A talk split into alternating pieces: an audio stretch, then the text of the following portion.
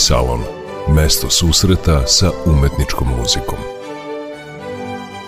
Muzički salon. Priče o klasičnoj muzici. Muzički salon. Dobro večer. Ja sam Jovana Golubović i u narednih pola sata govorit ću o delovanju prvog profesionalno obrazovanog srpskog muzičara, Kornelija Stankovića. Bio je pijanista, kompozitor, horovođa, a najznačajnijim istoričari muzike smatraju njegov rad na zapisivanju i obradi srpskog narodnog crkvenog pojenja. Beležio je pojanje u Sremcim Karlovcima između 1855. i 1857. godine i autor je nekih od prvih dela crkvenog pojanja 19. veka zapisanih savremenim notnim pismom. Zapisao je gotovo kompletno pojanje za godišnji bogoslužbeni ciklus, ali je mali deo njegovih zapisa objavljen. Godine 1862., 63. i 64. u Beču su publikovane tri sveske nazvane Pravoslavno crkveno pojanje u srpskog naroda, a posthumno 1922. izdata je jedna sveska pesama iz grupe Blažena.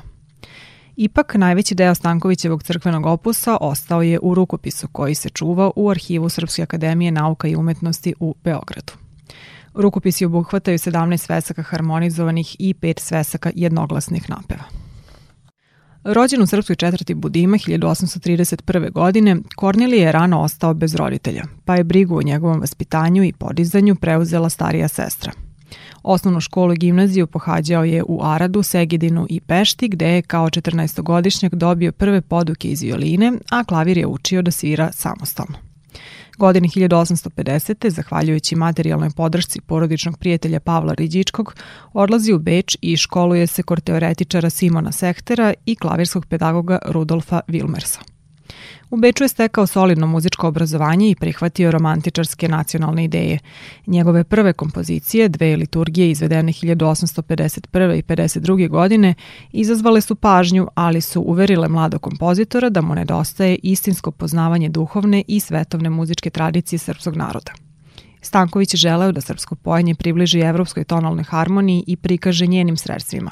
Istovremeno, takav način prezentovanja srpske crkvene muzike mogao je obezbediti bolju recepciju dela u bečkoj sredini od tradicionalnog pevanja koje nije bilo namenjeno umetničkom uživanju, već iznad svega molitvi. Stanković se u Beču kretao u slovenskim krugovima i uživao je podršku patrijarha Josifa Rajačića i ruskog prute Mihajla Rejevskog, uticajnog sveštenika pri ruskom carskom poslanstvu u Beču.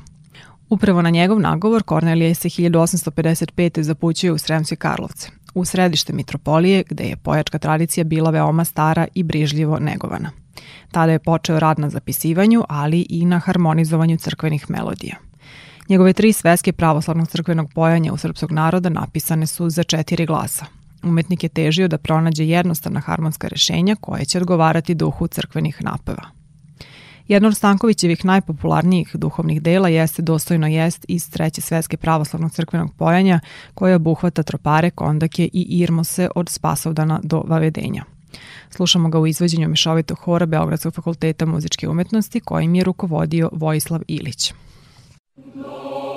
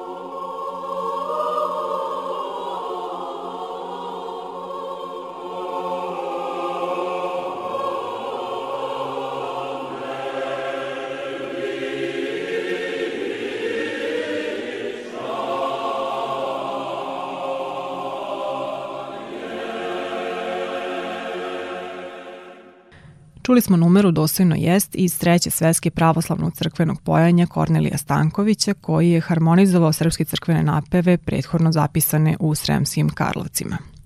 Karlovci su bili središte srpskog narodnog crkvenog pojanja. Ono je taj nacionalni naziv dobilo kada je krajem 18. veka veliki poznavalac i nastavnik pevanja u Karlovačkoj gimnaziji i bogosloviji Jerotej Mutibarić pojednostavio i oslobodio od suvišnih melizama do tadašnju tradiciju grčko-vizantijskog porekla, približavajući crkveno pevanje srpskoj folklornoj muzičkoj tradiciji. Nekoliko decenija potom, pevanje u srpskim crkvama doživelo je još promena.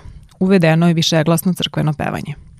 Prema istorijskim podacima, ono se u Srpskom hramu prvi put čulo 1834. prilikom ustoličenja Stefana Stankovića za bačkog episkopa. Kako je pisao Karlovački mitropolita, kasnije i patrijarh Josif Rajačić, Srbi u Ugarskoj i Austriji bili su upoznati sa dostignućima zapadnoevropske kulture i muzike i težili su da svoju crkvenu muziku prilagode duhu vremena i sredini u kojoj su živeli, a s druge strane bili su izloženi verskoj propagandi katoličke crkve koja je obuhvatala i crkvenu muziku. Ipak, crkvena lica nisu uvek rado prihvatala višeglasje. Mitropolitu Rajačiću su, na primer, stizala dokumenta iz Carigradske patrijaršije u kojima se tražilo vraćanje stare grčke crkvene muzike, ali on odobrio uvođenje višeglasnog pojanja u hramove, verujući da će adekvatno horsko pjenije vratiti mlade u crkve, kojih je, prema njegovim rečima, bilo sve manje zbog rasprostranjenog, ali ne i omiljenog grčkog pojanja. Jedna od najznačajnijih promena koju je horsko pevanje unelo u crkvenu muzičku praksu jeste zaokret ka individualnom autorskom umetničkom izrazu, koji je smenio anonimnost pojaca u kolektivnom slavljanju gospoda. Umesto jednoglasnog i simbolički shvaćenog srednjovekovnog pojanja kao sredstva molitve i načina poznavanja Boga, svrha pojanja postala ispunjavanje društvenih očekivanja, način da se iskažu religiozna i patriotska osjećanja srpskog naroda ili da se ostvari kulturni i umetnički status. O tome svedoče reči koje je Kornelije Stanković zabeležio u predgovoru pravoslavnog crkvenog pojanja u srpskog naroda iz 1862. godine. Svaka pesma, melodija i svetovna i crkvena postaje iz osjećanja. Pojanje se uvek pretopi osjećanje, pretopi u veru narodnu. Ono kazuje duboka pobožna osjećanja, kazuje slavu i hvalu Tvorcu, kazuje kako se naš narod nada u bezgraničnu milost Oca Nebeskog. Čućemo Svijati Bože iz Prve svetske pravoslavnog crkvenog pojanja koja obuhvata liturgiju Svetog Jovana Zlatoustog u izvođenju hora Radio Televizije Srbije pod rukovodstvom Bojana Suđića.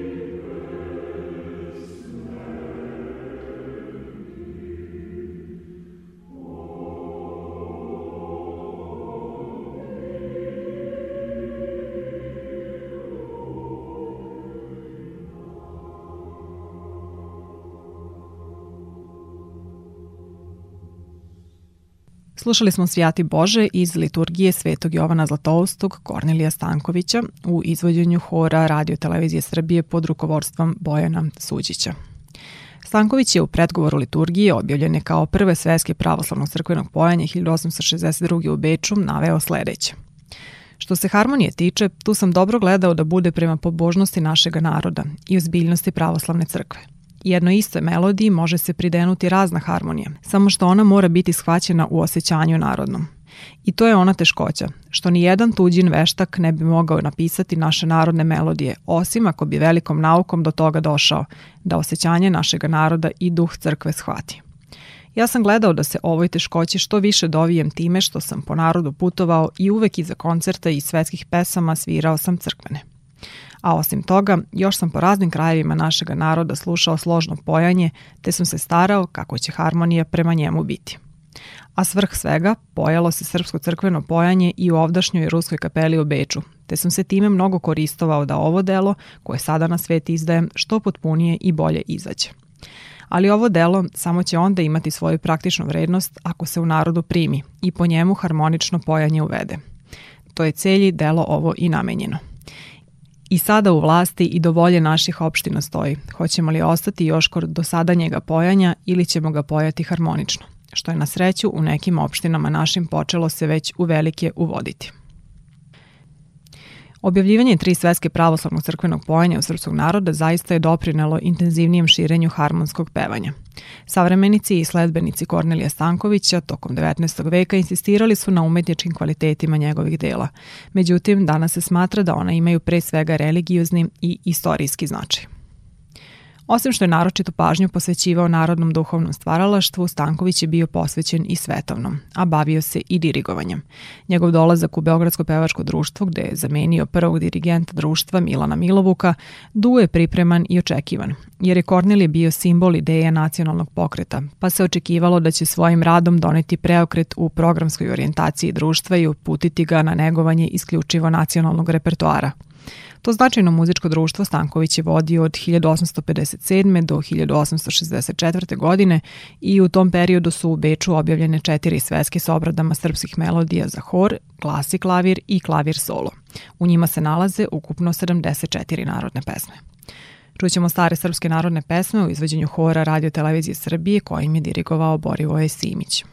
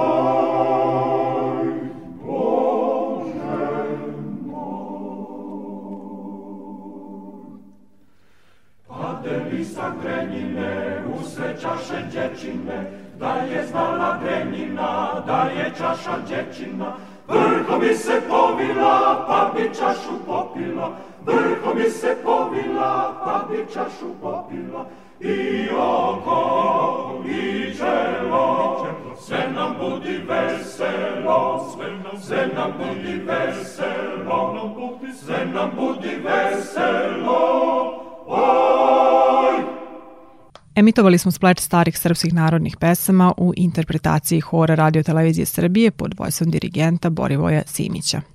Te pesme za hor je obličio i harmonizovao Kornelije Stanković. Orijentacija čitavog socijalnog, kulturnog i umetničkog života bila je tokom 19. veka usmerena pre svega na izražavanje patriotizma u cilju iniciranja otpora osvajaču i formiranja slobodne nacionalne države – Kornelije je pesme lirskog i rodoljubivog karaktera počeo da zapisuje i obrađuje još za vreme studija u Beču i tome je bio posvećen sve do kraja života, do 1865. godine. S obzirom na to da njegove pesme pripadaju pretežno tipu varoške pesme negovane u građanskom sloju, pretpostavlja se da ih je zapisivao u varošicama. Kao i u horskim, tako i u kompozicijama za glas i klavir, pesma je u to vreme imala izričito socijalnu funkciju. Bila je odraz ideja kulturnog ambijenta kojim je dominiralo jedinstvo narodnog i građanskog duha i nacionalnog osjećanja. Čućemo pesmu Oj za gorom u izvođenju sopraniskinje Anite Mezetove koju za klavirom prati Zdenko Marasović.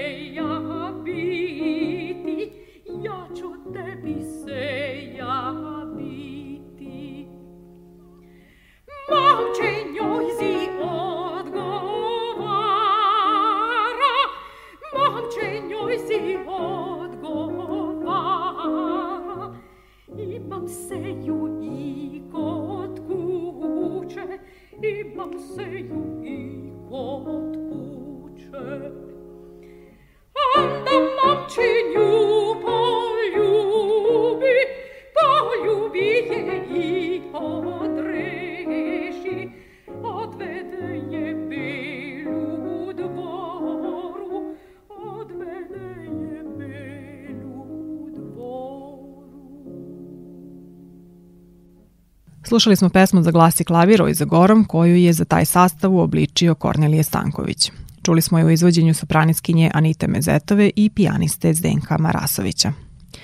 Kornelije Stanković bio je jedan od rodonačelnika klavirskog žanra na našim prostorima. Odličan pijanista, za srpsku sredinu i iznenađujuće virtuoznih sposobnosti. Često je nastupao na koncertima samostalno ili kao pratilac pevača. Bio je jedan od tri srpska muzička izvođača koja su započela koncertnu aktivnost svirajući na teritoriji Austro-Ugarske i Srbije. Uz njega pioniri srpskog izvođaštva bili su violinista Dragomir Krančević i pijanista Jovan Paču. Stanković je na koncertima nastupao sa mešovitim programom uz učešće drugih umetnika i ansambala, često sa slikarom i baritonom Stevanom Todorovićem, izvodeći harmonizacije srpske svetovne i crkvene muzike, salonsku muziku i sobstvene kompozicije. Nastupao je u Pančevu, Velikom Bečkereku, odnosno Zrenjaninu, u Sremskoj Mitrovici, Vršcu, Somboru, Beogradu, Šapcu, Loznici, Valjevu, Čačku, Užicu i Kragujevcu. Stanković je klavirski žanr postavio na stabilan temelj koji su njegovi sledbenici nadgradili. U njegovim kompozicijama paralelno egzistiraju nacionalni i elementi evropske tradicije. Klavirski stil je gradio prema uticajima različitih sredina u kojima se školovao, prema uticajima muzike sa kojim je dolazi u kontakt kao slušalac, ali i prema vlastitim stavovima koje je formirao podstaknut idejom komponovanja u narodnom duhu. U Pešti i Beču imao je priliku da čuje klavirske fantazije, varijacije, parafraze i različite igre, čiji su autori bili popularni salonski pijanisti. Njegove kompozicije za klavir pripadaju tipu salonsko-virtuoznih komada, ali bez obzira na žanr i formu predstavljaju stanovište da bi folklorno nasledđe srpskog naroda trebalo da bude primarni izvor stvaralaštva i osnovni gradivni materijal umetničkih dela. Među najpoznatijim ostvarenjima za klavir su variacije na temu Ustaj, ustaj Srbine, što se bore misli moje, rado ide Srbin u vojnike. Osim tog oblika, pisao je igre za klavir, kadrile, polke i kola. Za kraj večerašnjeg muzičkog salona čućemo kompoziciju Što se bore misli moje u izvođenju pijaniste Dušana Trbojevića. Ja sam Jovana Golubović, za kvalitet tona bila je zadužena Violeta Marković. Pozdravljamo vas do narodnog slušanja.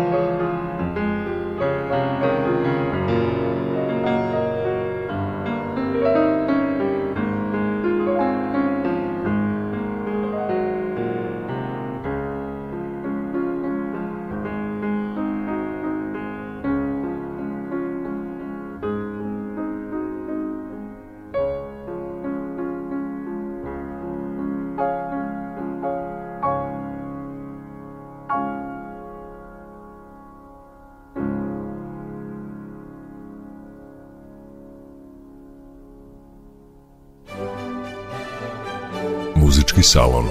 Mesto susreta sa umetničkom muzikom. Muzički salon. Priče o klasičnoj muzici. Muzički salon.